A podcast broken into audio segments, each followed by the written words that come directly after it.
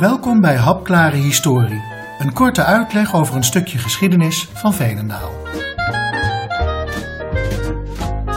In Veenendaal is er tegenwoordig een ruime keuze aan kerken. Er zijn zo'n 30 kerkgenootschappen in Veenendaal. De eerste drie eeuwen van het bestaan van het dorp was het veel overzichtelijker. Je had gereformeerden, katholieken, doopsgezinden en joden. Maar in de 19e eeuw begint dat te veranderen.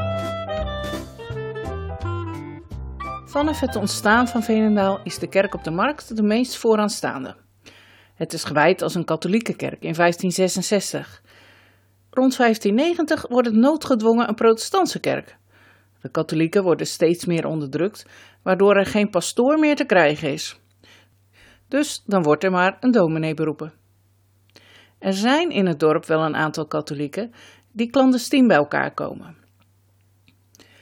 Het katholicisme is niet echt verboden, maar als je betrapt wordt, krijg je toch een boete. In de 17e eeuw houden de katholieken hun diensten op boerderij de Geer, dat eigendom is van de rijke katholieke weduwe van der Hem van Nederstein. En deze boerderij stond op de plaats waar nu de Sionskerk te vinden is.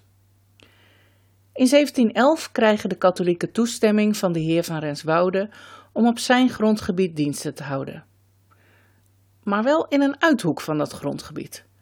Ze bouwen een schuurkerk aan de Nieuwe Weg in Veenendaal, maar dat is grondgebied van Renswoude.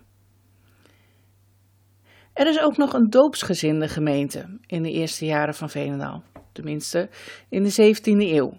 We weten niet precies wanneer die is ontstaan. De allereerste vermelding van een doopsgezinde voorganger is in 1629 als het huis van deze voorganger afbrandt bij een plundering door Kroatische huurlingen. De doopsgezinden komen bij elkaar in een huis aan de Zandstraat. Het blijft een kleine gemeente en in de loop van de jaren gaan steeds meer leden over naar de gereformeerde kerk. En rond 1800 houdt deze gemeente op te bestaan. De Joodse gemeenschap van Veenendaal is al in een eerdere podcast langsgekomen. De eerste Joden vestigden zich in het midden van de 17e eeuw in Gelders-Veenendaal en tot ruim na de Tweede Wereldoorlog zijn er Joodse samenkomsten in het dorp. Terug naar de protestanten. In 1817 moet een zekere Hendrik van der Biezen voor de kerkraad van de hervormde kerk verschijnen, omdat hij thuis godsdienstige bijeenkomsten organiseert. De kerkraad is niet zo blij met deze zogenaamde oefeningen, omdat de kerkraad zich zorgen maakt over de inhoud van deze bijeenkomsten. Mensen die de bijeenkomsten bezoeken, maken zich op hun beurt. Mensen die deze bijeenkomsten bezoeken, maken zich op hun beurt ernstig zorgen over de koers van de kerk. Nadat Willem I in 1815 koning was geworden, liet hij een nieuwe kerkorde voor de gereformeerde kerk opstellen. De naam wordt dan veranderd in de Nederlandse Hervormde Kerk en allerlei regels voor de samenkomsten en de gang van zaken in de kerk worden dan vastgelegd. En bezorgde kerkgangers vinden dat de koning hiermee veel te veel ingrijpt in kerkelijke zaken. En daarom komen ze thuis bij elkaar. Zo ook in Veenendaal, waar de 22-jarige Hendrik een van de initiatiefnemers is. Door de kerkraad wordt hij daarvoor onder censuur gesteld. Hij mag niet meer deelnemen aan het avondmaal en wordt geschorst uit de kerkelijke gemeenschap. Na betoond berouw wordt hij twee jaar later weer opgenomen in de kerkelijke gemeenschap. Dat berouw duurt echter niet zo lang, want hij gaat gewoon door met het houden van huisbijeenkomsten en in 1823 verzoekt hij zelfs om te worden uitgeschreven als lidmaat. Zover komt het dan nog niet. Na een gesprek met de kerkenraad trekt hij zijn verzoek weer in. Bij koninklijk besluit worden in datzelfde jaar de eigendomsrechten van alle kerken in het land overgedragen aan de kerkelijke gemeente. En in Veenendaal betekent dat dat het veenraadschap na 257 jaar geen zeggenschappen meer heeft over de kerk op de markt, die het veenraadschap heeft laten bouwen. In 1834 komt Hendrik de Kok, die predikant is in Ulrum, in conflict met de hervormde kerk. Hij levert openlijk kritiek op de kerkelijke praktijk, met name op de in zijn ogen verwatering van de Bijbelse leer. Hij wordt daarom door zijn klasses, zeg maar de kerkelijke regio, geschorst. Zijn gemeente is het daar niet mee eens. en dat leidt tot een felle strijd binnen en buiten de kerk.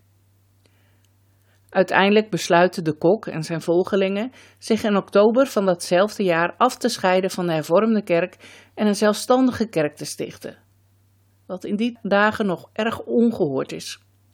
Maar in veel andere plaatsen volgen veel kerkgangers zijn voorbeeld.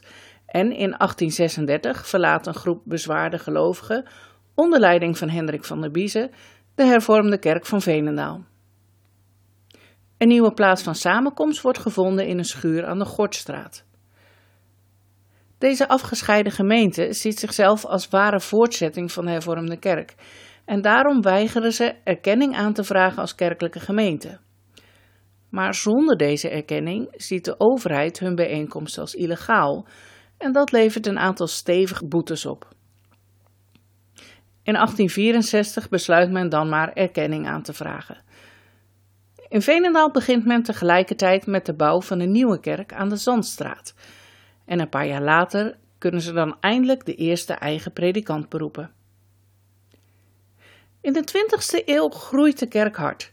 Er wordt tot twee keer toe een nieuwe kerk gebouwd.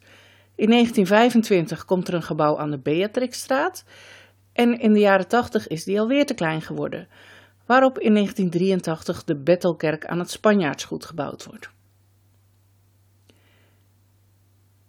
De afscheiding is slechts het begin van vele nieuwe kerkgenootschappen en kerkgebouwen. Zoals gezegd kwamen de Rooms-Katholieken bij elkaar in een schuurkerk aan de Nieuwe Weg. Ze worden lange tijd slechts gedoogd, maar in de Franse tijd krijgen zij gelijke rechten als de protestanten. De protestanten zijn in Venendaal veruit in de meerderheid en daarom wordt de kerk op de markt aan hen toegewezen. Maar de katholieken mogen nu wel eigen samenkomsten organiseren zonder beboet te worden. In 1848 maakt een grondwetwijziging definitief een einde aan de achtergestelde positie van de katholieken. De plaatselijke parochie telt dan 320 leden, die nog steeds samenkomen in de houten schuurkerk uit 1711. Bij de overstroming van 1855 raakt deze zo zwaar beschadigd dat er een nieuw gebouw moet komen. In 1859 wordt de kerk ingewijd en opgedragen aan heilige Willibrord. In de jaren 30 van de 20e eeuw wordt deze kerk vervangen door een nieuwe. En in 1954 komt er een tweede kerkgebouw aan de Adriaan van Ostaandelaan. Een kleine twintig jaar lang zijn er dan twee katholieke kerkgebouwen. Maar in de jaren 70 wordt de kerk aan de Nieuwe Weg gesloten en krijgt een andere bestemming. Tegenwoordig is dat het kantoor van een hoveniersbedrijf. Over de verschillende protestantse kerken in Veenendaal valt nog meer te vertellen. Maar dat bewaren we voor een andere podcast.